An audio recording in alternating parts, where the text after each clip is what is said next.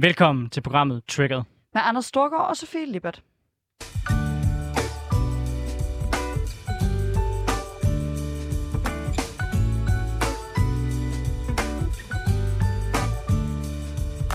Så er vi tilbage i programmet, hvor vi vender ugens vigtigste politiske historier med gæster, der har skarpe holdninger, store visioner og markante meninger.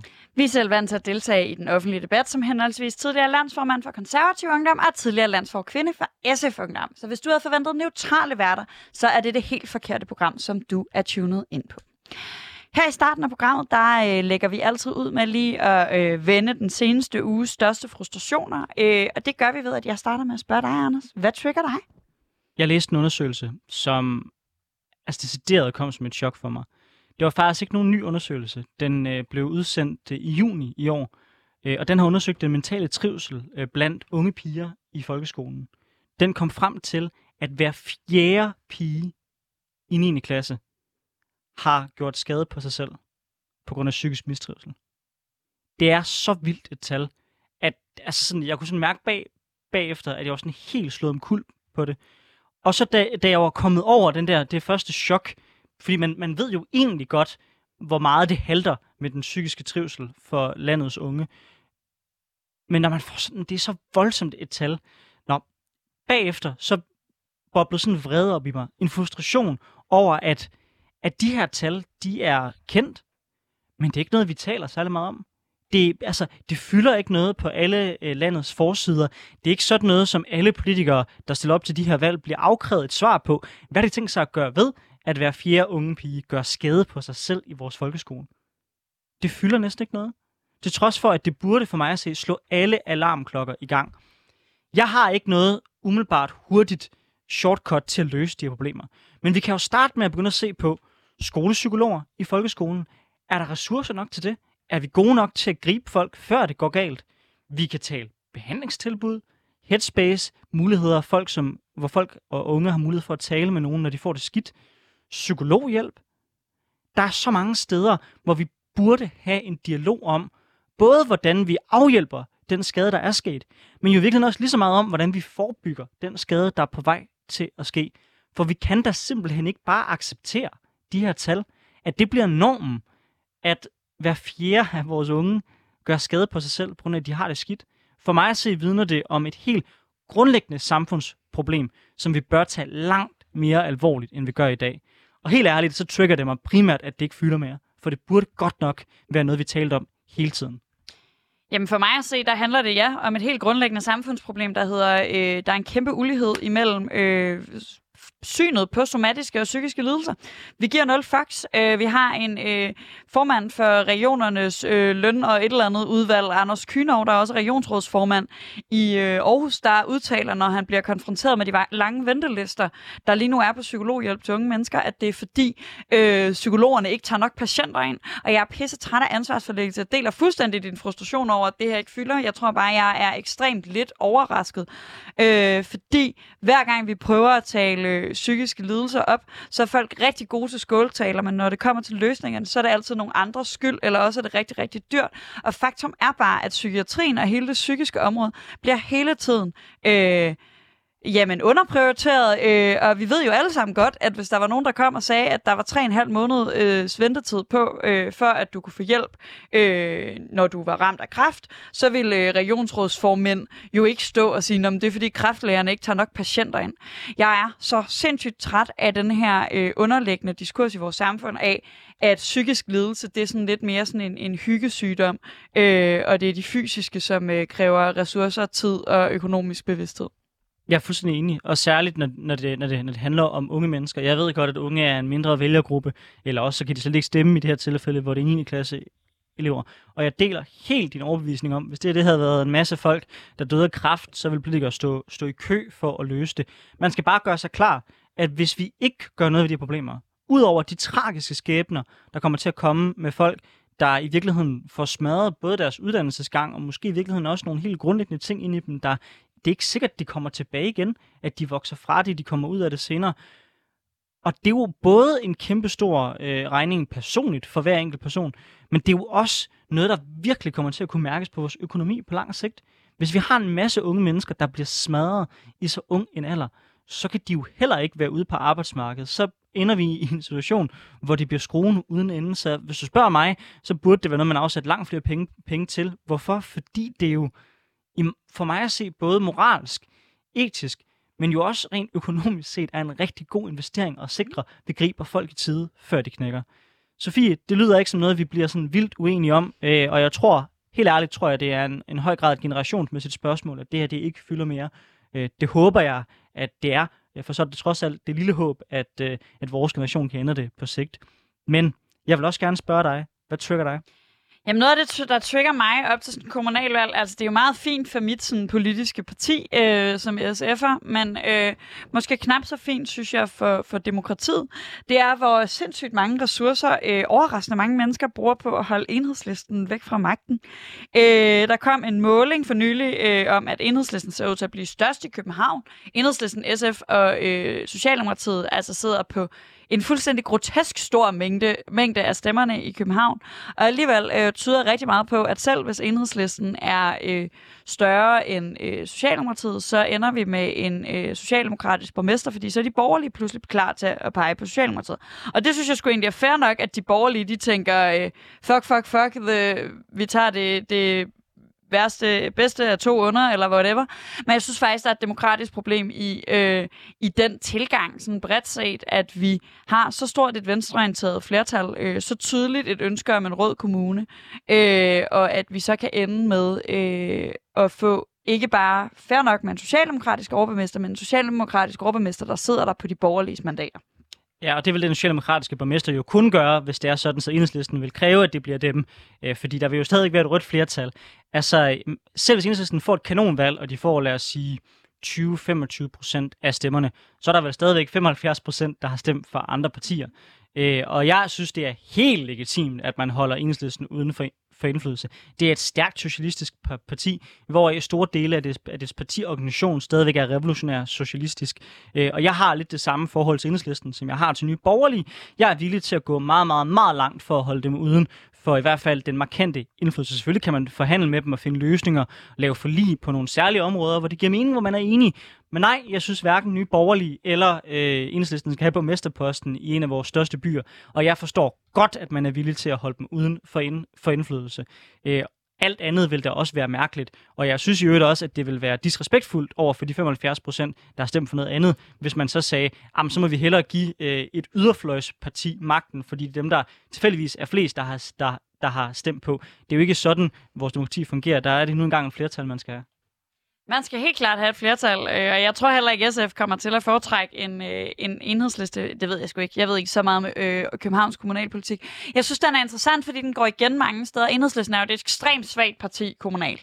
Altså, de findes jo stort set kun i de aller, aller største byer, øh, og der bruger man så en masse tid på øh, at, at holde dem udenfor. Jeg synes, det er enormt interessant. Jeg tror bare, jeg synes, det er meget interessant. Nu siger du ny borgerlig. Jeg, altså, for, for fem år siden ville man jo så sammenligne det med Dansk Folkeparti. Øh, og, og der havde man meget sådan en... Jeg hørte meget den her med, uh, ventilstrategien vir, eller sådan, det var forkert at øh, se på Sverige, det fungerer ikke at holde dem ude og sådan noget. Øh, og ja, det undrer mig, at man, man på højrefløjen har brugt så meget tid på at snakke om, at det virker ikke at holde, øh, hvad hedder det, øh, Sverigedemokraterne ude, men man holder gerne enhedslisten uden for indflydelse i, Ej, det, i Danmark. Det, det er noget helt, helt, helt andet. Der er der en verden til forskel på at sige, okay, kan man samarbejde med folk i nogle konkrete forlig, og så at sige, okay, I skal have borgmesterposten. Altså, jeg, er, jeg synes også, det er fint nok, at man samarbejdede med Dansk Folkeparti på de områder, man var enig med dem politisk. Men hvis øh, den borgerlige strategi havde været, lad os gøre Dansk Folkeparti til statsminister, så havde min position været helt anderledes. Så det synes jeg på ingen måde, at man kan, man kan, man kan sammenligne. Og i Sverige der er det netop sådan, at man, at man, at man, man siger, selv helt konkrete forlig, selv hele øh, sådan nogle spørgsmål, som, altså alle steder, hvor man er enig, kan man ikke engang samarbejde, fordi der er et parti, der er helt, der er helt non-grata. Øh, det er jo ikke det samme, som at man siger, okay, enhedslisten skal ikke hen på mesterpost. Og hvis du gør dig morsom i forhold til, at du synes, der er borgerlig hyggeleri, så vil jeg jo sige, at det, det du udtrykker her, synes jeg jo også øh, synes jeg, er noget helt andet, end det man er vant til at høre i forhold til noget borgerligt samarbejde med Dansk Folkeparti. Så det går lidt begge veje i så fald. Nej, jeg tror egentlig, jeg for længst har anerkendt, at, at borgerlige samarbejder med Dansk Folkeparti, øh, og, og, ja, og vi, kan, vi ved begge to godt, vi kan have en meget lang diskussion om, om man synes, det er sammenligneligt, øh, om, om yderfløje, øh, de yderfløje, vi har i Danmark, er sammenlignelige. Men der er vel forskel på at gøre nogen til statsminister, og så indgå et samarbejde. Det er der er forskel på samarbejde men, med men, men et andet eksempel er, at jeg forventer sgu heller ikke, at enhedslisten står med en rådmandspost i Aarhus, selvom de højst sandsynligt bliver det tredje største, måske fjerde største parti i Aarhus, mm. øh, og man har øh, seks rådmænd. Øh, så, så det, det, og, det, og det interesserer mig, og det øh, kan godt øh, pisse mig af, at enhedslisten bliver den her... Øh, øh, sådan øh, hemmelig fjende, eller ikke engang hemmelig fjende. Øh, det er fedt at være SF'er, fordi vi har fået samme position som Dansk Folkeparti, at vi pludselig sådan, de rare venstreorienterede. Øh, men hvis der kommer et rigtig kommunistisk parti på et tidspunkt, så får vi sådan det Dansk Folkeparti, øh, ny borgerlige dynamik der, og så er enhedslisten de rare venstreorienterede. Og jeg synes, det er interessant, men jeg synes også, det er ærgerligt, øh, at øh, en stor mængde stemmer øh, får mindre værdi på grund af en bestemt holdning til enhedslisten. Og jeg synes, vores hovedstad på ingen tænkelig måde må falde til kommunister. Ja, du lytter til Triggered med Anders Storgård og Sofie Libert. I dag der kommer vi til at rykke videre i vores kommunalpolitiske øh, rundtur, hvor vi skal diskutere specifikt skattepolitik. Det er jo sådan, at kommunerne, modsat regionerne, faktisk har mulighed for at udskrive skatter. I dag der kommer vi til at få besøg af Rasmus Holme, der er kommunalvalgskandidat for Enhedslisten i Frederiksberg Kommune, og Mathilde Kasbjerg, der er kommunalvalgskandidat for Konservativ i Københavns Kommune. Og ind af studiet, der øh, springer øh, øh, du, Rasmus øh, Holme. Der går lige lidt sekunder, før jeg kan få dig på, fordi vi har lige nogle tekniske udfordringer her. Men i hvert fald velkommen i studiet til dig. Øh, skattepolitik, det er jo noget, der normalt fylder rigtig meget på landspolitik, øh, men netop det her med, at kommunerne har mulighed for at kunne udskrive skatter, det gør jo, at det også kan være noget, der sikkert kan skabe en rigtig fin debat for os i dag. Vi starter den her runde med at spørge øh, vores to kandidater, der nu er indtrådt begge i studiet, øh, hvad der har været på deres radar, før vi springer direkte over i debatten. Så lad os egentlig bare starte med dig, Rasmus Holme. Øh, jeg tænker, du har haft travlt med at føre valgkamp den sidste uge, men har der været nogle særlige sådan, politiske emner, som har fyldt meget på din radar? Lige et øjeblik, kan jeg lukke dig til at tage mikrofonen ved siden af dig. Den her? Ja, det kan lige præcis. Så kan vi lige så stille høre dig. Det er jo tro. Det var meget bedre. Så er der nemlig lyd på dig. Tak skal du have. Fedt. ja, jamen... Øhm, hvad havde været på min radar? ja, ja, præcis. Hvad har fyldt meget for dig politisk? Jamen det ene... Altså jeg tror først og fremmest, så er det jo klima. Øh, klimakampen. Øhm, det er det, som...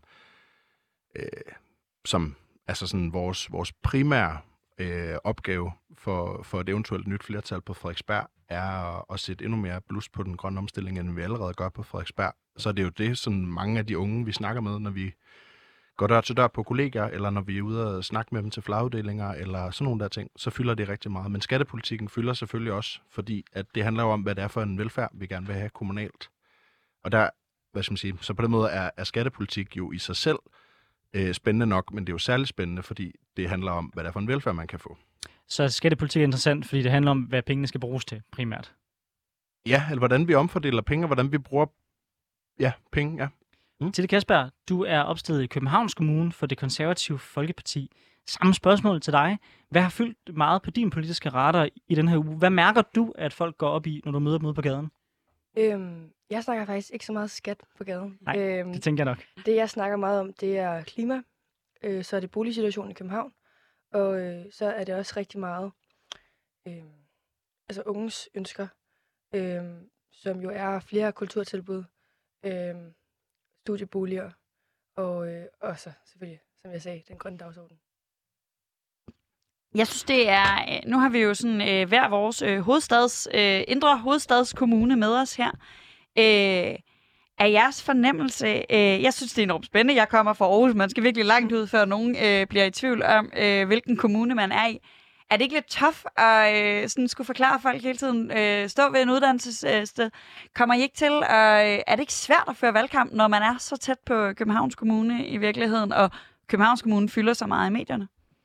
Øhm, jo, både og, men man kan sige, jeg tror, jeg, jeg oplever også, at der er en, en stor mediebevågenhed på Frederiksberg. Mm. Øh, det var jo øh, 172 stemmer, der, der skilte derad sidst, øh, i forhold til eventuelt at få en ny borgmester på Frederiksberg. Så jeg oplever i virkeligheden, at der er meget stor bevågenhed på vores øh, lille kommune øh, midt, i, midt i København. Øhm, så, så det, det oplever jeg ikke så meget. Det er selvfølgelig svært, når man er ude på uddelinger på, øh, på uddannelsesinstitutioner, fordi at bor man i den ene eller den anden, eller den tredje eller fjerde kommune. Øhm, og derfor er vores fokus primært også på, på kollegaer, fordi der ved vi ligesom, I bor her. Hvor, I bor jo her, ikke? Altså, ja. Så er man ligesom nede på dilemmaet om, hvor går grænsen til Frederiksberg egentlig? Som jo er et spørgsmål, som jeg kun tror, at kommunalpolitikere på Frederiksberg kan svare på. Hvad, hvad med dig, Mathilde? Jamen, jeg har faktisk... Øh, jeg har tit lige været inde på Google Maps og slået op øh, Københavns Kommune, sådan, så jeg kunne se øh, grænsen. så jeg ved, hvor langt jeg kan gå, ikke? Øhm, altså, jeg synes jo også, det er meget sjovt, fordi jeg synes jo egentlig ikke, at valget i København er super spændende. Øh, tænker man, udover at jeg selv står til måske at blive valgt ind, ikke? så er det jo vildt spændende, fordi at de røde vinder jo altså på København, i, i København. Og konservativt skal nok også få et godt valg. Det der er jo spændende Frederiksberg, og hvorfor der er så meget bevågenhed over det, det er jo fordi, at ja, det, det ser spændende ud. øh, jeg håber, at, øh, at de konservative får lov til at beholde på ministerposten. Jeg tænker, jeg er lidt biased i den diskussion, men øh, Sofia og jeg havde lige en diskussion omkring øh, det her med, om enhedslisten skal holdes uden for indflydelse i Københavns Kommune, særligt hvis de bliver det største parti. Og der tænker jeg, at det er jo oplagt at skyde bolden over til dig, Mathilde Kas- Kasbjerg. Er du bekymret for, at enhedslisten bliver det største parti? Og hvad tænker du om en poten- potentiel alliance mellem de borgerlige partier og Socialdemokratiet, simpelthen for at holde dem uden for indflydelse? Altså, jeg tror, det kommer til at ske. Øhm, man kan sige, det er jo sådan en tanke, jeg går med. Altså, hvis enhedslisten bliver størst, så bliver Socialdemokratiet nødt til at gå til os. Og så kunne vi selvfølgelig få noget ud af det. Og få den borgmesterpost. Eller andre fede titler, ikke? Øh, og ligesom få noget indflydelse der. Jeg kan lige opklare for lytterne, der bliver forvirret over, hvordan konservative kan få borgmesterposten. Det er fordi i Københavns Kommune, der har man flere borgmestre. Ja. Øh, der har man en overborgmester, og så har man ressortborgmestre. Det er det, som øh, i nogle kommuner hedder rådmænd, og i andre kommuner hedder udvalgsformænd. Øh, men det er altså ikke fordi, at Mathilde hun står og, og tænker, konservativ får borgmesterposten, hvis enhedslisten, øh, altså overborgmesterposten, hvis enhedslisten bliver størst. Og bare lige til yderligere information, det er den afgørende forskel på en udvalgsformand og en rådmand eller en borgmester er, det er, at man pludselig får sit eget embedsapparat. Så man kan forestille sig lidt, at, at de her borgmesterposter, det er lidt en slags ministerposter, som man kan fordele øh, til dem, man samarbejder med. Mm. Nå, Rasmus Holme, øh, jeg ved godt, det er, det er lige på den anden side, øh, og dermed ikke en del af den kommune, du fører valgkamp i. Men altså, når du kigger over på Københavns Kommune, øh, og den måde, som Enhedslisten står til at få et kanonvalg derovre, øh, hvad tror du er mulighederne øh, ved, at Enhedslisten får så mange stemmer? Det tror jeg, der kan være rigtig mange muligheder i, fordi at det i virkeligheden, altså hvad skal man sige, som, som Mathilde også siger, så har der jo været et rødt flertal historisk i København, også et historisk, øh, altså sådan øh, meget rødt flertal, altså ikke bare sådan, sådan tæt, Ikke bare tæt, tæt, tæt og lige på, eller sådan ikke, altså man har, altså støttepartierne til, øh, til en socialdemokratisk overborgmester har jo fyldt rigtig, rigtig meget, og haft rigtig, rigtig mange stemmer.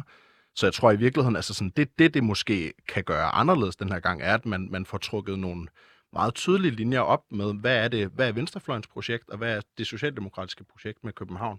Øhm, og der synes jeg, man, man oplever enormt mange spændende diskussioner om, hvad betyder den grønne omstilling, hvad betyder bevarelse af, af, af grønne områder øh, i København, øhm, hvor vigtigt er det i virkeligheden for, for københavnerne, øhm, og det over for, for, for boligpolitikken, som fylder rigtig meget. Hvordan skaber vi en blandet by samtidig med, at vi bevarer Marfællet for eksempel, ikke? Så hvad er den afgørende forskel der? Fordi en socialdemokrat, hvis personen stod i det her studie, vil jo nok sige, at de også gik op i den grønne omstilling, og også gik op i grønne områder, og også gik op i den blandede by. Mm. Så sådan, hvis man virkelig sådan skal zoome ind på, hvad er den afgørende forskel? Hvad er det så? Det er, hvem der vil bevare Marfællet, hvem der ikke vil. Altså sådan helt kort. Så det er simpelthen et Amagerfældet valg i København. Øh, Det håber jeg, det bliver. Altså, fordi det for mig også bliver, bliver altså, på den måde bliver, bliver et valg, hvor at det bliver et, et klimavalg, og i virkeligheden bliver et biodiversitetsvalg. Altså, jeg synes i virkeligheden, det er ret interessant, hvordan at, at, at vi snakker om de her grønne valg, og i virkeligheden har det, har det handlet enormt meget om CO2-reduktion. Jeg synes, det er meget spændende, at det er lige, altså sådan, det er, en- det er en, for, altså biodiversiteten er en folkesag. Øh, det synes jeg er ret interessant.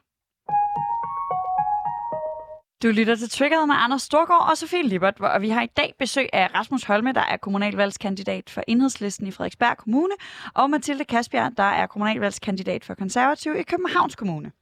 I dag der skal vi diskutere skattepolitik ude i kommunerne. For modsat regionerne, der kan kan kommunerne, som jeg også sagde tidligere, opkræve skatter. Så der er forskel på, hvor du betaler i skat, når du bor på Frederiksberg eller på Langeland. Og det er et helt vildt indviklet øh, system, hvor det samlede skattetryk skal være noget bestemt, og en kommune derfor kun kan hæve skatten, hvis øh, nogle andre sænker den. Ikke desto mindre, så vil nogen i hvert fald hævde, at vi står over for et klassisk spørgsmål. Skal der spares i de kommunale budgetter, så flere af borgernes penge kan blive i deres egne lommer? Eller skal skatten hæves for at kunne investere i bedre velfærd? Det er et spørgsmål, man ikke kan undgå at tage stilling til i valgkampen, og vi prøver at dykke ned i det her. Og jeg vil starte med at spørge dig, Mathilde Kasbjerg. Øh, som konservativ, der er det jo sådan på landsplan, at I i hvert fald går ind for, at øh, skatten de skal sænkes. Er det også jeres holdning i Københavns Kommune, at skatten er for høj? Øh, og endnu mere, at, at de penge, vi får ind øh, i skat, ikke bliver brugt ordentligt. Øh, som det ser ud lige nu, har Københavns en, en, sådan et effektiv, effektivis, effektiviseringspotentiale, langt ord, på omkring 3 milliarder kroner. Øh, fordi der er så meget administration og byråkrati i Københavns Kommune. Øh, og så allerede der er det jo sådan, hvorfor er det, vi betaler så mange penge på, øh, på ingenting? Altså sådan, fordi de her 3 milliarder kroner, det kunne betyde 5.000 kroner mindre i skat per københavner, og københavnerne vil stadig få det samme serviceniveau. Rasmus Holme, øh, enhedslisten går til valg på, tror jeg, i langt de fleste kommuner, øh, inklusiv Frederiksberg, hvor du stiller op, at øh, skatten øh, den skal stige. Øh, vil du ikke sætte noget på, hvorfor I mener det? Jo, altså jeg tror i virkeligheden ikke, vi synes, det er nødvendigvis alle steder, fordi kommunalskatten er jo i virkeligheden ikke en særlig ideel skat at hæve, fordi den rammer jo alle lige hårdt. Øhm, og der vil vi jo i højere grad gerne lave boligbeskatning, vi vil gerne lave aktiebeskatning, vi vil gerne lave topskatte, sådan nogle ting, øhm, som rammer socialt mere, mindre, mindre skævt. Grunden til, at vi gerne vil, vil hæve stem, øh, hvad hedder det, øhm, skatteprocenten med, med 0,5 procent øhm, på Frederiksberg, det er også vigtigt at sige, at sådan, det kan godt komme til at fremstå som om, at nu vil vi bare rip alle borgerne, eller sådan, at vi stadigvæk, altså lige nu er Frederiksberg den kommune i Danmark med det laveste skattetryk. Vi vil ende på en fjerde plads, hvis vi hævede øh, skattetrykket med 0,5, så det er ikke fordi, vi sådan ripper borgerne, men det handler om, at, at, at, øhm, at vi oplever, at den kommunale velfærd på Frederiksberg serviceniveauet er alt for lavt, og så handler det om, at vi i virkeligheden har et ønske om at udvide velfærdssamfundet.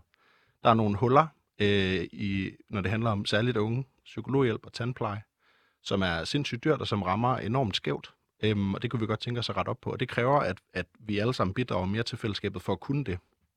Hvad tænker du om Mathildes pointe med, at der findes jo... Altså, vi hører det jo altid, og det er altid godt at have unge kandidater inden, for vi har alle sammen den fordel, at vi kan insistere på, at det ikke er os, der har indført det. Men der er jo meget snak om, ja, byråkrati, øh, administration, øh, effektiviseringspotentialer. Øh, og altså sådan, er, er øh, en øget kommuneskat øh, løsningen, eller er det en, en del af en større løsning om at frigive midler til velfærd? Det er klart en del af en større løsning, jeg synes hele tiden. Altså uagtet om man er rød eller blå, så ønsker alle jo at drive en effektiv kommune, hvor man ikke, indkræ- altså, hvor man ikke indkræver penge, man bruger dårligt. Eller sådan. Det er jo ikke nogen, der synes, hey, jeg går til valg på at bruge pengene dumt. Altså, det er der jo ikke nogen, der synes. Jeg tror i virkeligheden, så handler det om det der med, sådan, hvis, når vi så ligesom laver nogle effektiviseringer i det her, i det her byråkrati, og det synes jeg da helt klart, man skal gøre. Det synes jeg er fedt, I tager den kamp op. Spørgsmålet er bare, skal pengene så gå tilbage i borgernes lommer, eller skulle vi sige, gud hvor fedt. Tænk sig, 3 milliarder, der bliver brugt på skidt og lort i Københavns Kommune. Prøv at overveje en kæmpe forskel, det kunne gøre i det kommunale velfærdssystem. Hvordan man kunne sænke klassekvotienterne, hvordan man kunne hæve normeringerne i børnehaverne, hvordan man kunne bygge mange flere boliger, hvordan man kunne alle mulige fede ting for de 3 milliarder. Der er meget federe energi et altså, øh, flad skat tilbage til borgerne. Mathilde Kasper, når, når I nu alligevel har så lav skat i København, som I trods alt har, er der så ikke en række velfærdsområder, som har mere brug for at få et løft, øh, end egentlig at give flere penge tilbage til borgerne? Jo, men altså som sagt, de penge kunne man jo ligesom tjene ind mange andre steder, end at tage pengene fra borgerne øh, via en højere skat. Øh, jeg mener jo godt, at Københavns Kommune skulle komme ind i top 10, eller nej, i top 5 af de kommuner, der har en lav skat øh, i fremtiden, på grund af, at pengene kunne tjene ind på andre måder i Københavns Kommune. Øh, en anden ting er, at altså, jo, det kunne være nice at bruge nogle af de her penge på at løfte noget velfærd også. Jeg mener jo bare, at lavere skat er velfærd. Øh, altså, hvorfor skal, hvor, hvorfor skal offentlige øh, kommunale politikere øh, bestemme, hvad der er velfærd for alle mennesker, når det er, at privatpersoner ligesom selv bedst ved, hvad de vil bruge deres penge på i forhold til velfærd? Altså, jeg tror, øh, altså, jeg synes, den, den, den, den præmis er lidt svær, fordi vi jo lever i et repræsentativt demokrati, så hvis folk stemmer på enhedslisten, så er det fordi, de gerne vil betale flere penge i skat, fordi de ønsker velfærd forstået som velfærd, der foregår nede i børnehaven, eller nede i skolen, eller ude på cykelstien. Så, så man kan sige, jeg tror, det er jo, det er jo, det er jo det er rigtigt nok, at der godt kan være sådan flere oplevelser af, hvad er velfærd egentlig? Altså, det anerkender jeg fuldt ud, men, men hvis folk stemmer på et rødt flertal på Frederiksberg, så, så må det være, fordi de har en, en positiv fortælling om at skulle betale 0,5 procent mere i skat, for at, øh, at hæve den hvad skal man sige, den fælles kommunale velfærd, der ikke er, der ikke er individuel på den måde. Rasmus, nu, nu, nu, øh, nu øh, kommer jeg til at sige noget normativt, øh, selvfølgelig som, som, øh, som en konservativ her i det her tilfælde. Men når du kigger til Københavns Kommune, som jo har øh, en højere skat, end man har øh, på Frederiksberg, øh, men du alligevel ser, at der er en lavere grad af tilfredshed, væsentlig lavere grad af tilfredshed med den kommunale service, er det så et, ikke et eksempel på, at der er ikke nogen naturlov, som hedder, at når man hæver skatten og bruger flere midler på noget, så giver det nødvendigvis en bedre service. Jeg er godt klar over, at du ikke er uenig i, at man selvfølgelig skal bruge pengene klogest muligt, men er det ikke et eksempel på, at det måske i virkeligheden er vigtigere, hvordan man prioriterer pengene, end hvor mange penge man indkræver? Øhm, jo, både og, men jeg tror også bare, jeg tror, jeg tror det, det, altså, jeg kan godt forstå for lytterne, at det er meget sådan, sammenligner Frederiksberg og København skal være meget nemt. Det er det i virkeligheden ikke, altså fordi det er to meget, meget, meget, meget forskellige kommuner. Jeg forsvarer overhovedet ikke, at der øh, går 3 milliarder til øh, skidt og kanel i Københavns Kommune, som kunne bruges bedre. Det forsvarer jeg overhovedet ikke. Jeg tror bare, min, min, altså der blev lavet en, en meningsmåling i, hvad hedder det, øh, Frederiksberg Nyt, vores lokale øh, medie, hvor hvor det peger på, at vælgere på tværs af alle blokke på Frederiksberg, der er det faktisk 70 procent af dem, der gerne ser skatten hæves med 0,5 procent. Så jeg har lavet en anden undersøgelse, der viste, at, øh, at over 50 procent gerne vil holde skatten i ro. Så ja, det er også et spørgsmål om, hvordan man stiller spørgsmålet, men ja. Ja, altså når man stiller spørgsmålet, og det oplever jeg også, når man stiller det ud på gaden, når man stiller spørgsmålet, hey, er I friske på at hæve skatten med 0,5 procent, hvis pengene udelukkende går til velfærd og klima? Ja, siger 70 procent på tværs af blokkene. Flertallet af, af konservativs vælgere er også for. Jeg synes, det er interessant, det her, fordi nu snakker vi meget velfærd, men, men Mathilde, jeg ved, at øh, det sted, du har mest lyst til at bruge, eller jeg siger ikke, at du vil nedlægge hele velfærdssamfundet, men du vil jo gerne øh, få sat fod i den her grønne omstilling, også mm. kommunalt. Og det ved vi jo godt, at, at mange af de ting, man kan gøre kommunalt, det er ting, der primært er udgifter. Øh, hvad, nu snakker vi. Rasmus vil gerne hæve skatten for at få råd til flere ting. Du vil i hvert fald ikke øh, hæve den. Er det vigtigere for dig, hvad er vigtigst for dig, og hvis vi frigiver de her 3 milliarder, hvis øh, nu vælger at sige, der er i potentiale for at frigive for administration, vil du så helst bruge størstedelen på klima eller på skattelettelser? Hvad, hvad tænker du er vigtigst for København? Du må også godt lave en 50-50 fordeling, men hvad, sådan, hvad er den vigtigste prioritet for dig lige nu? Øh, er det et, et grønnere København, eller et København, hvor øh, hvad hedder det, borgerne har, øh, har en lavere skat? Altså, jeg synes jo, når man opstiller det sådan, så er det ikke, fordi de modsætter hinanden, synes jeg. Øh, jeg synes, at det vigtigste, det er lavere skat. Øh, fordi jeg tror på, at hvis folk har flere penge, så har de også råd til at købe grønt. Det er sådan et meget simpelt svar. Øh, en anden ting er jo så, når du siger, at Københavns Kommune jo, øh, alting er øh, udgifter og sådan noget. Det er du sådan set også ret i. Så kan jeg jo så fortælle dig, at Københavns Kommune generelt kunne spare 15 procent, hvis de udliciterede nogle opgaver til private aktører. Er det, er det en måde, Rasmus, er det en måde for Frederiksberg at få flere penge øh, mellem hænderne til øh, klima og velfærd og udlicitere lidt mere? Nej, altså fordi når man, når man, når man, altså nej, det er det ikke. Fordi når du udliciterer, og det er billigere end en offentlig service, så handler det om, at du får en dårligere service. Altså det, du går ned og køber en t-shirt, så kan det godt være, at du kan få en til 20 kroner, en til 50 kroner. Den til 20 kroner holder bare heller ikke helt lige så længe. Altså, så, så, så det, er sådan, det, det, det, det synes jeg ikke er en måde at, at gøre det på. Øh, jeg tror i, i høj grad, jeg tror, hvis vi skal finansiere den grønne omstilling, så tror jeg, vi skal, altså jeg tror, for mig prøver jeg lidt at tænke det sådan, der er den der 0,5% skattestigning, det skal bruges på, hvad hedder det, øh, på velfærd, og så er der øh, rigtig mange penge at hente for mig at se i parkeringsafgifter øh, på Frederiksberg til at finansiere den grønne omstilling. Hvad med parkeringsafgifter? Hvor står du der? Det skal ikke øh, hæves. det skal de da ikke. Øh, overhovedet ikke. Altså, jeg, jeg vil så sige, at kommunalt, så synes jeg, det er kommunen som virksomhed, der skal gå forrest. Og der går jeg ind for nogle tiltag i København. Øh, de har en, en kæmpe købekraft, altså den største i Københavns Kommune. Øh, der kunne man jo godt sætte nogle rammer for, at Københavns Kommune alene skulle indkøbe 70% grønt øh, og sådan nogle her ting. Men, øh, men altså, jeg, jeg køber ikke præmissen om, at det får dårligere service, fordi det er private aktører, der, der, der giver det. Jeg tror til gengæld, det, det er med til at øge konkurrencen, øh, sådan så vi skaber en bedre service, og sådan så kommunen jo for eksempel også kunne, øh, kunne præstere bedre. Rasmus, jeg hørte dig sige, at hvis en privat virksomhed kan levere et produkt, 15% lavere, så er det udelukkende, fordi at produktet så er 15% dårligere. Øh, til det vil jeg så bare spørge dig, hvis jeg har to pizzerier, der ligger lige ved siden af hinanden, og det ene pizzeria er 15% billigere end det andet pizzeria, Er den eneste mulighed i din optik så, at det er fordi, at øh, det pizzeria så er 15% dårligere? Eller vil du også anerkende, at når vi snakker forretninger, hvordan man driver ting, så er det jo fuldstændig afgørende, hvilket nogle ledelsesgange man har, hvordan man organiserer arbejdet, øh, altså basically alle de, alle de ting, som forhåbentlig hele tiden skulle gøre, at vi som samfund bliver mere produktive og bliver bedre hen ad vejen, vil vi gøre ting smartere. Så det måske er lidt forsimplet, den måde, du satte det op på før. Altså, jeg synes ikke, det er mere forsimplet end, end, end, end hvad skal man sige, end, end det modsatte statement. Altså, jeg tror for mig at se, så handler, altså, der, der er ligesom, øhm, jeg synes, det er svært at anskue velfærd som en virksomhed og som en forretning. Fordi det er det grundlæggende ikke. Altså, god velfærd handler ikke om, altså, fordi det, man jo så skal kunne måle det på, det er, hvor hurtigt løber socioassistenten i det private firma, og hvor hurtigt løber eller hvor langsomt løber vedkommende i det offentlige. Hvor mange... Ikke kun. Ikke Børn. kun. Det er også spørgsmål om, hvor meget spildtid man har og sådan Mm. nogle ting, ikke? Jo, men hvor, hvor, hvor, altså, hvorfor, er det, altså, hvor, hvorfor er det, vi forestiller os, at kommunen har en, inter, en aktiv interesse i at skabe spildtid hos socioassistenten? Altså, det, det, forstår, det, for, det forstår jeg ikke. Altså, jeg, jeg kan ikke forestille mig, at den leder i det kommunale, som leder socioassistenter, eller som leder pædagoger, eller som leder skolelærer, har en aktiv interesse i at sørge for, at det går langsomst muligt, mindst effektivt. Altså sådan, så, så, så jeg tror ikke, Det tror jeg da Altså- ikke, de har en interesse i. men hvorfor er det så, der er et potentiale for effektivisering? Fordi du nævner tydeligvis, at der er et problem med socioassistenter lige nu. Så tror jeg da, at hvis der var nogle private virksomheder, som kunne gøre det billigere og bedre, så ville kommunen da også gøre det billigere og bedre. Men, men hvordan skal de gøre det billigere? Altså hvis en privat virksomhed Mm. behøver ikke at være billigere. Den statistik, jeg tager udgangspunkt i, siger, at det generelt er, at man kan spare 15 procent, hvis det er, at man udliciterer nogle opgaver til private aktører. Mm. Med socioassistenter, okay, et rigtig godt eksempel, det er plejehjem. Mm. Du har ikke nogen, du har ikke noget valgmulighed i forhold til at vælge et privat plejehjem i København. Altså, det kan man ikke, fordi de alle sammen er ejet af kommunen. Øhm, og, og det går virkelig dårligt, og det er måske fordi, som Anders også siger, at man bruger ekstremt mange penge på øh, ledelse og byråkrati og alt muligt administration, som man ikke behøves, og der kan man spare sindssygt mange penge. Øh, I kommunen, i Københavns Kommune har vi 40.000 ansatte. Vi har et budget på 50 millioner, milliarder kroner.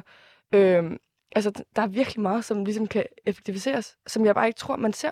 Og jeg tror bare, fordi kommunen ikke gør det, så er vi nødt til at have nogle private aktører til at vise, hvordan man rent faktisk kan effektivisere det, uden at der er så meget administration.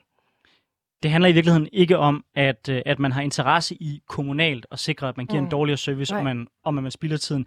Det handler om, hvis du kan tjene nogle penge, så har du en rigtig stærk interesse i at sikre, at du altid, hele tiden effektiviserer allermest. Fordi hvis du ikke gør det, så mister du din forretning til nogen, der gør det billigere og bedre end dig. Altså, det, Det- er jo en det- det er jo Det konkurrence. det det er jo hvis heller ikke, fordi man er, når man er ansat som, som, som leder på et plejehjem, og så er man tjenestemandsansat, og så kan du aldrig fyres, og du får sindssygt mange penge, og du har 25 underledere. Altså sådan, sådan er det jo ikke, venner. Altså det, det, det, er jo, det er jo sådan, de har jo også en interesse. Det er så ikke en, en, en privat øh, profitinteresse, men en menneskelig interesse. Så du er ikke leder for et er det- plejehjem, hvis, du, altså, hvis det du ikke meget- vil have, at det foregår effektivt. det er et meget enkelt spørgsmål jo. Hvorfor er det, at man ikke vil lade de private aktører hvis, øh, forsøge? Altså, de har jo interesse i at gøre det bedre end kommunen, for ellers får de jo ikke nogen kunder. Fordi at vi skal have fokus på mennesker, og ikke på profit, når vi laver velfærd. Du lytter til Triggeret med Anders Storgård og Sofie Libert. Vi har besøg af Rasmus Holme, kommunalvalgskandidat for Enhedslisten i Frederiksberg Kommune, og Mathilde Kasberg, kommunalvalgskandidat for Konservativ i Københavns Kommune. Vi røg ud i en spændende debat lige der om øh, udlicitering, men nu går vi videre til en andet, andet element af hele skattedagsordenen. Ja, fordi vi dykker i dag ned i et af valg, øh, kommunalvalgkampens mest tekniske spørgsmål, nemlig spørgsmålet om, hvor pengene skal komme fra, når kommunerne skal bygge nye boliger, løse klimakrisen og sikre gode folkeskoler. Vi kom tidligere ind på, at øh, med den kommunale beskatning ikke altid er lige nemt. Og en af grundene til, at skatten er så lav i netop Frederiksberg og Københavns Kommune, er, at man har sænket skatten for at give plads til mindre ressourcestærke kommuner kunne hæve den. Vil man i en af disse kommuner hæve skatten, som du advokerer for, Rasmus, og jeg gerne øh, melder mig på holdet for, så vil man altså være tvunget i den nye nu, øh, nuværende model til at sænke den et andet sted. Eller også kommer der sådan nogle besynderlige bøder til alle kommuner i landet. Øhm, er det særligt solidarisk at gå til valg på at ville hæve skatten når, som i en ressourcestærk kommune som øh, Frederiksberg, når man ved, at konsekvensen den bliver, at nogle andre øh, enten må sænke den, eller skal betale en bøde? Altså, det, det ved vi jo faktisk ikke, fordi der er jo, nu er der jo i hvert fald halvdelen af det her studie, der ønsker at sænke skatten. Det kunne være, at I ikke, når I nu ikke blev valgt i København eller Frederiksberg, I så blev valgt et andet sted. Og, og nogle af de steder kunne man jo så, altså kunne det jo ende med, at man sænkede skatten, og så kunne det jo ende med at gå okay op. Altså, vi- der er jo indgået et budget for lige, nu bliver det lidt teknisk, på Frederiksberg for det næste år, så vi kan først hæve skatten per per 23. I den periode kunne det jo godt være, at der var nogle andre kommuner, der havde sænket skatten. Så, så, så forst, altså sådan, det, det ved vi jo faktisk ikke. Jeg skal bare lige super kort rette det, og så sige, at jeg er ikke tilhænger af at sænke skatten i Frederiksberg Kommune. Jeg er tilhænger af at bibeholde den på det niveau, den er. Klart, sorry. Mathilde, hvad tænker du? Er, skal København i virkeligheden øh, i solidaritetens navn, er det derfor, du gerne vil sænke skatten? Nej, altså det lyder jo smukt. Altså sådan, øhm, nej, det er fordi, at jeg synes ikke, vi behøver at tjene penge. Altså som du selv siger, altså Københavns Kommunes indtægt er jo ikke kun skat. Øh, vi kunne sagtens, som jeg selv lige sagde, vi beholder det samme serviceniveau, og så sænke skatten. Så det er derfor, jeg ikke forstår, hvorfor vi ikke gør det. Og som du selv siger, så ja, det er da fantastisk, hvis det er, der er nogle kommuner, øh, der får gavn af, at vi sænker skatten en lille bitte smule. Øh, det er da bare en endnu bedre grund til, hvis vi gør det, fordi at jeg tror, at København generelt har en lidt større købekraft også end i andre kommuner. Øh, fordi vi bor i hovedstaden, og vi har en kæmpe stor industri i forhold til øh, kultur og natliv og øh, altså indkøb øh, af butikker osv., så, videre. så Københavns Kommune tjener faktisk rigtig mange penge ud over, øh, hvis man vil hæve skatten. Så sådan samlet set, øh, en ting er, om, om I i jeres kommune tænker det her. Øh, det her er jo ikke en, en kommunal beslutning som sådan, men, men synes øh, du, Mathilde, at det er, er fair nok, at man har de her øh, begrænsninger kommunerne imellem, at hvorvidt du øh, vælger, lad os lege et, et, et borgerligt København, hvis du fik lov at sænke skatten, at det er en afgørende præmis for, at nogle andre kan lægge skatten. Øh, er, det her en model, som hvis, hvis I overhovedet havde kommunal indflydelse på det, og det ved jeg godt, I ikke har, og jeg lover jer, at I kan finde øh, plakater fra venstrefløjen imod det alle steder, så jeg kan næsten forestille mig, hvad mm. Rasmus har tænkt sig at sige. Men hvad tænker du, Mathilde? Er det okay, vi ligesom har har sagt, jamen okay, samlet set i Danmark, der skal vi lande det her sted, så vi giver ikke kommunerne frit løb til bare at sætte deres skatteprocent, hvor de synes, den ligger lækkert. Jeg synes, det er rigtig fint i København, fordi jeg ved, hvor det ville ende, hvis vi ikke gjorde det. øhm, og det er jo også fordi, at altså, jeg ved, at enhedslisten ekstremt gerne vil fjerne den, sådan, så de kan hæve den. Øhm, og egentlig så er det altså, altså begrundelsen er jo, at man skal sætte skatten sådan, så det passer mm. øh, til niveauet og, og hvor meget man bruger, men nu ved jeg bare, at de vil gerne have rigtig meget velfærd øhm, og bruge rigtig mange penge på, på ting, som de jo åbenbart kun mener, man kan få fra øh, skatten. Øhm, så i virkeligheden synes jeg, den er rigtig fin øh, i København. Rasmus, hvis jeg bor i Langelands Kommune, og jeg stemmer enhedslisten, øh, går min stemme så til, at skatten den skal sænkes i Langelands Kommune, så der er mulighed for at kunne hæve den på Frederiksberg? Nej, det gør den ikke. Øhm, på den måde, så er, det jo, så er det jo forskellige kommuner. Jeg tror i virkeligheden, altså hvis man stemmer på enhedslisten, uagtet hvor man stemmer på enhedslisten hen, så stemmer man jo også øh, for at give et rygstød til et øh, parti, der sidder i Folketinget, der gerne vil lave det her om. Altså for mig at se, så tror jeg sådan, altså snakker meget om det der med, så stemmer man på et parti. Kommunalt stemmer man på noget andet på landsplan. Jeg tror i virkeligheden også, det her det handler om, at man, man giver rygstød til partier, som også landspolitisk gerne vil øh, indsnævre rammerne eller udvide rammerne for, hvad man må og kan øh, få lov til at gøre kommunalt. Så på den måde synes jeg i virkeligheden, det hænger sammen.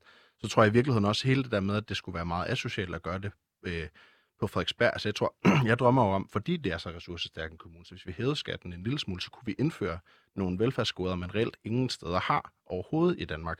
Og det vil man kunne lave alle mulige undersøgelser på. Hvad betyder, tænk hvis vi kunne sænke klasseloftet til 20 elever i klassen. Hvad vil det for, altså sådan, bliver vi så klogere, af de gladere øh, børnene på Frederiksberg, hvis vi indførte gratis tandpleje, hvad vil det så betyde i forhold til følgesygdomme i løbet af resten af dit liv? Og vil det i virkeligheden vise sig at være en skide god investering, hvis kommunerne gjorde det for alle unge op til 30? Altså nogle af de der ting, hvor vi, hvor vi drømmer om at udvide velfærdssamfundet, tror jeg i virkeligheden også kan være med til at være et eksperimentarium, øh, hvor, vi, hvor vi kan skubbe til, hvad det er for nogle gængse forestillinger, der er om øh, dynamiske effekter i alle mulige øh, inde i Finansministeriet. Så jeg tror i virkeligheden, for mig ser jeg det også som sådan et, altså det, det er også et større forandringsprojekt, der også handler om Lolland. Fordi så vil man forhåbentlig finde ud af, at man ved at, øh, at, at investere i kommunal tandpleje til alle unge under 30 på den her måde på Frederiksberg for eksempel kan nedsætte alle mulige følgesygdomme, så vil man jo som regering oplagt gå ind og sige, fint nok, det må vi så gøre i Langeland, som er en, en af de fattigere kommuner, hvor, det, hvor der er enormt store sociale problemer, hvor vi kunne udligne nogle. Men hvis Langeland så skulle betale mindre skat, hvordan skulle de så have råd til det?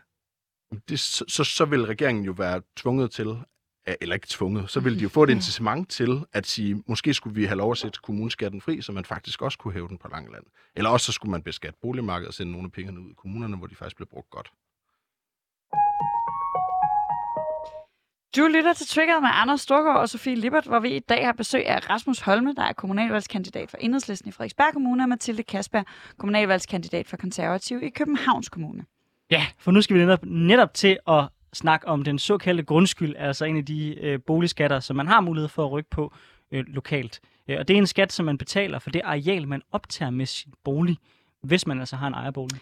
Fordi mens boligdebatten øh, fylder, og kampen mellem grønne områder og flere boliger i de større byer raser, du var allerede inde på det i starten, Rasmus, øh, omkring Amagerfællet, så er debatten om, hvorvidt man øh, skal betale til kommunen for at optage plads i vores by, ligesom bare mere relevant, øh, end bare at være øh, kedelig skattepolitik. Jeg synes nu ellers, I har gjort det godt i dag med ikke at gøre skattepolitikken kedelig. Men Mathilde, øh, der er stor boligmangel, især i øh, Københavns Kommune, øh, især til øh, alle de unge, øh, der øh, gerne vil bo der.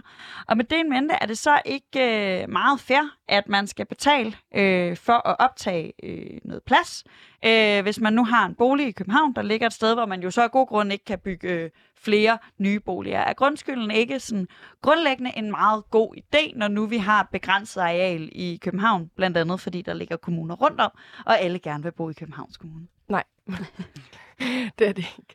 Øhm, statistikker viser bare, at folk gerne vil eje deres egen bolig. Altså sådan, det gør det. Så i stedet for at tænke, at alle de skal støttes, og øh, øh, alle har brug for hjælp til at, at bo i en bolig, så skal vi hellere kigge ind i en fremtid, hvor det er, at vi rent faktisk er vækstet, og folk har råd til at bo i en bolig. Øhm, så derfor skal, så skal vi sænke grundskylden. Altså fordi, jeg vil også gerne eje en bolig på et tidspunkt, og det kan ikke passe, at en eller anden socioassistent, som måske ikke har råd til at bo i en ejerbolig lige nu, skal bo i en almen bolig i fremtiden, som er støttet af kommunen. Altså vi vil da ikke have et samfund, hvor at offentlige ansatte skal støttes til at bo i en bolig. Øhm, jeg vil hellere gøre det billigere og nemmere at bo i en ejerbolig. Men er det ikke ret usandsynligt, at øh, du eller en socioassistent kan komme ind på det københavnske boligmarked, som jo har haft øh, priser, der er steget? Jeg mener, de er blevet femdoblet, mm. øh, siden jeg i hvert fald blev født.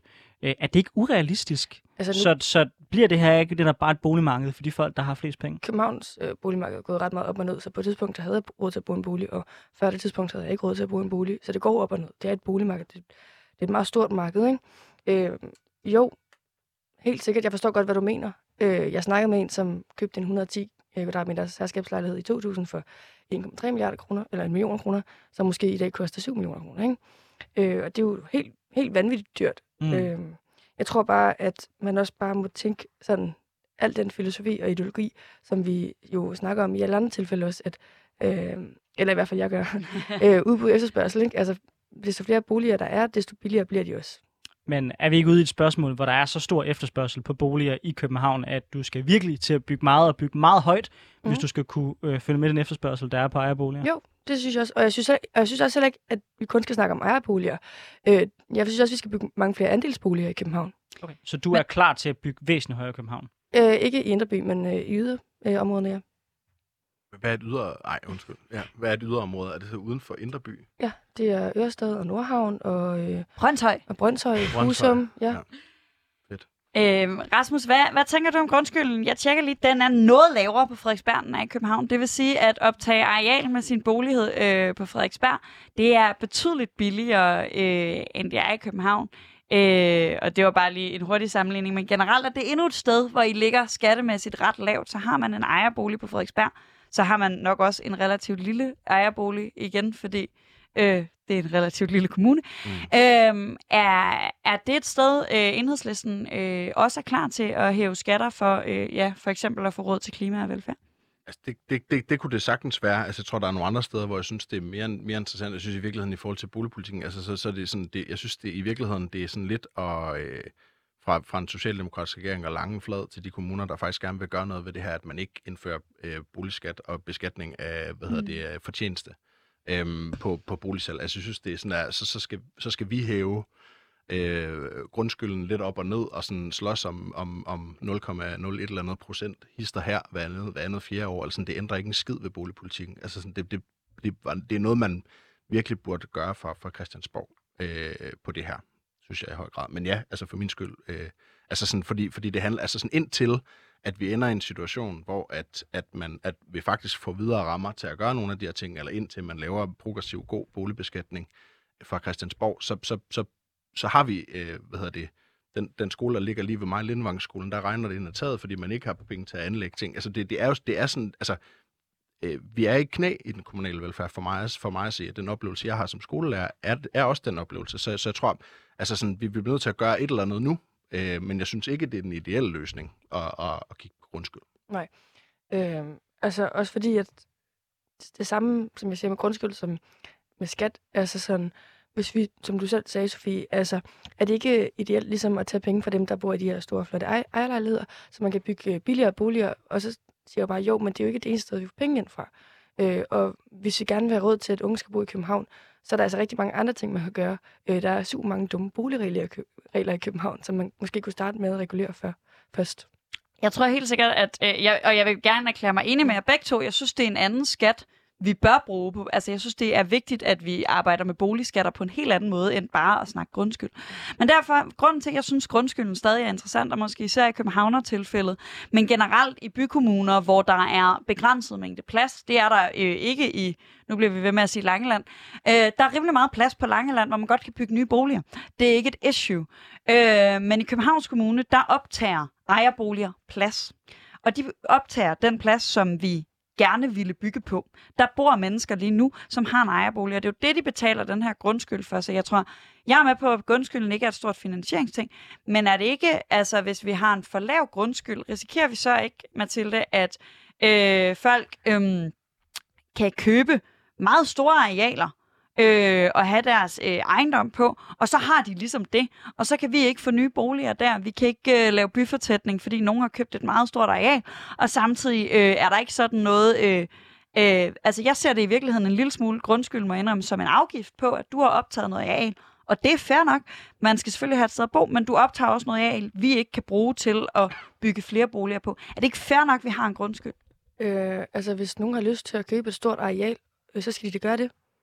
Det forstår jeg ikke, hvad problemet er med. Altså, sådan, ja, de optager plads, men der er, altså, Men er det ikke... i stedet for at snakke om at tage plads fra andre, så, så snak om at bygge plads. Altså, der, vi har masser af plads ude på. Vi kunne fjerne nogle regler, der gør, at vi kunne bygge mange, mange flere bådlejligheder, øh, eller bådehus. Og vi kunne øh, bygge på Amagerfællet, synes jeg ikke er en dårlig idé, fordi det er en aftale, vi allerede har lavet. Bygge Nettehold, men der er plads til rigtig mange boliger. Øh, fjerne øh, kvadratmeterreglen. Så ja, så vil der komme flere øh, mindre boliger. Øh, men lad være med at starte med dem, der rent faktisk bruger sine penge på at bo i København. Rasmus? Jamen, altså, jeg synes, jeg synes i høj grad, at grundskyld er et meget fornuftigt fænomen. Øh, det synes jeg i høj grad, men jeg tror, at i virkeligheden for mig, det handler om det der med, sådan, fordi jeg, jeg er meget enig med, med dig, Sofie, i forhold til det her med, at det handler om at optage plads. Øhm, og noget af det, jeg synes optager enormt meget plads på Frederiksberg, er parkeringspladser. Altså, hvor, hvor man kan sige, så kan vi bygge øh, højere, eller vi kan gøre forskellige ting, det er jeg ikke nødvendigvis tilhænger af, men jeg tror bare, der er noget i det der med sådan, altså, nogle af de spots, hvor der er, er sol allerflest timer i en, vores meget lille øh, by på Frederiksberg, er jo parkeringspladser. Øhm, og dem betaler man altså, hvis man har en, en, en, en bil, vel at mærke en, der ikke er el og sådan noget, så betaler man 290 kroner om året. Altså rådhuspladsen, og, og rådhuspladsen optager også meget plads. Der er ikke noget grønt.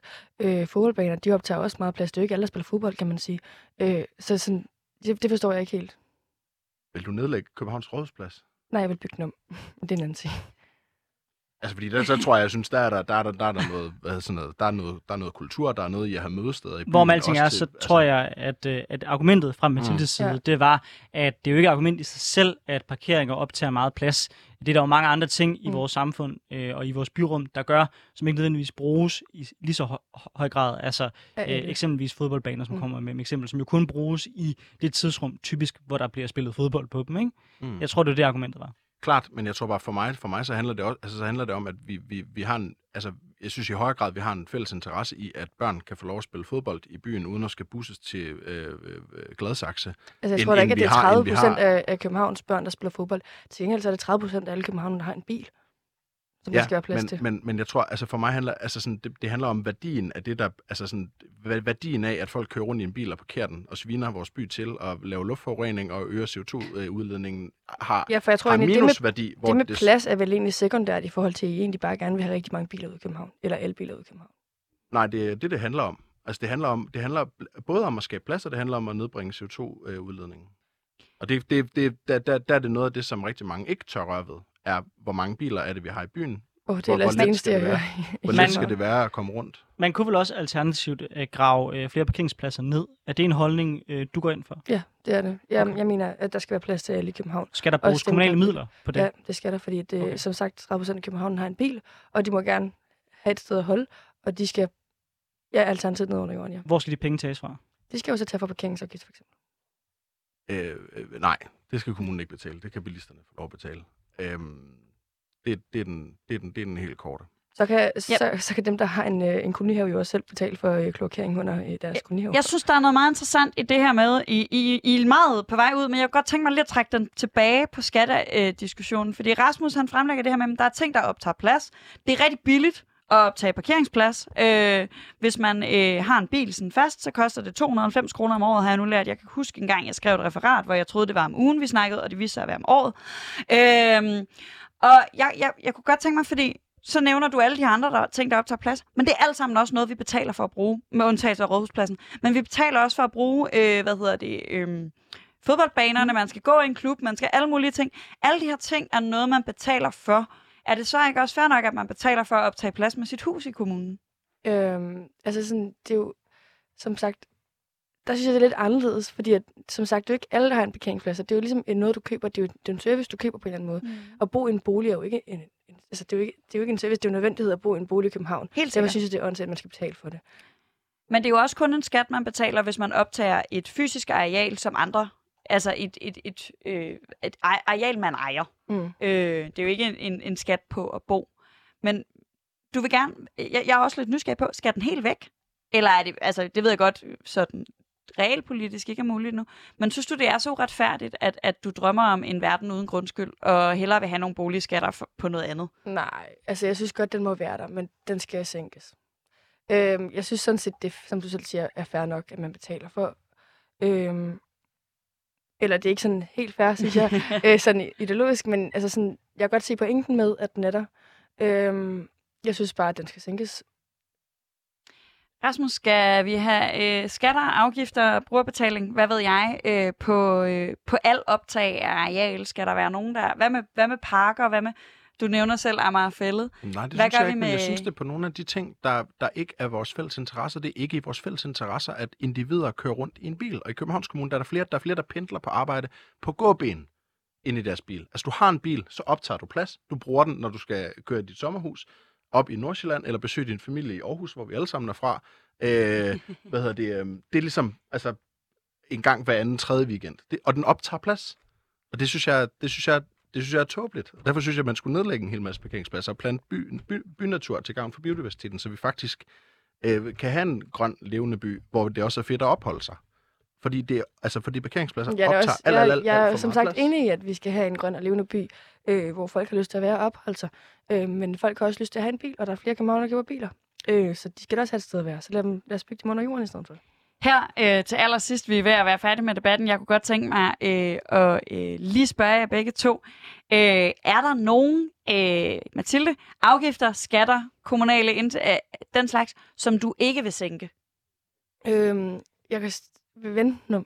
Ja. Jeg, jeg går ind for en flad CO2-afgift. Stærkt.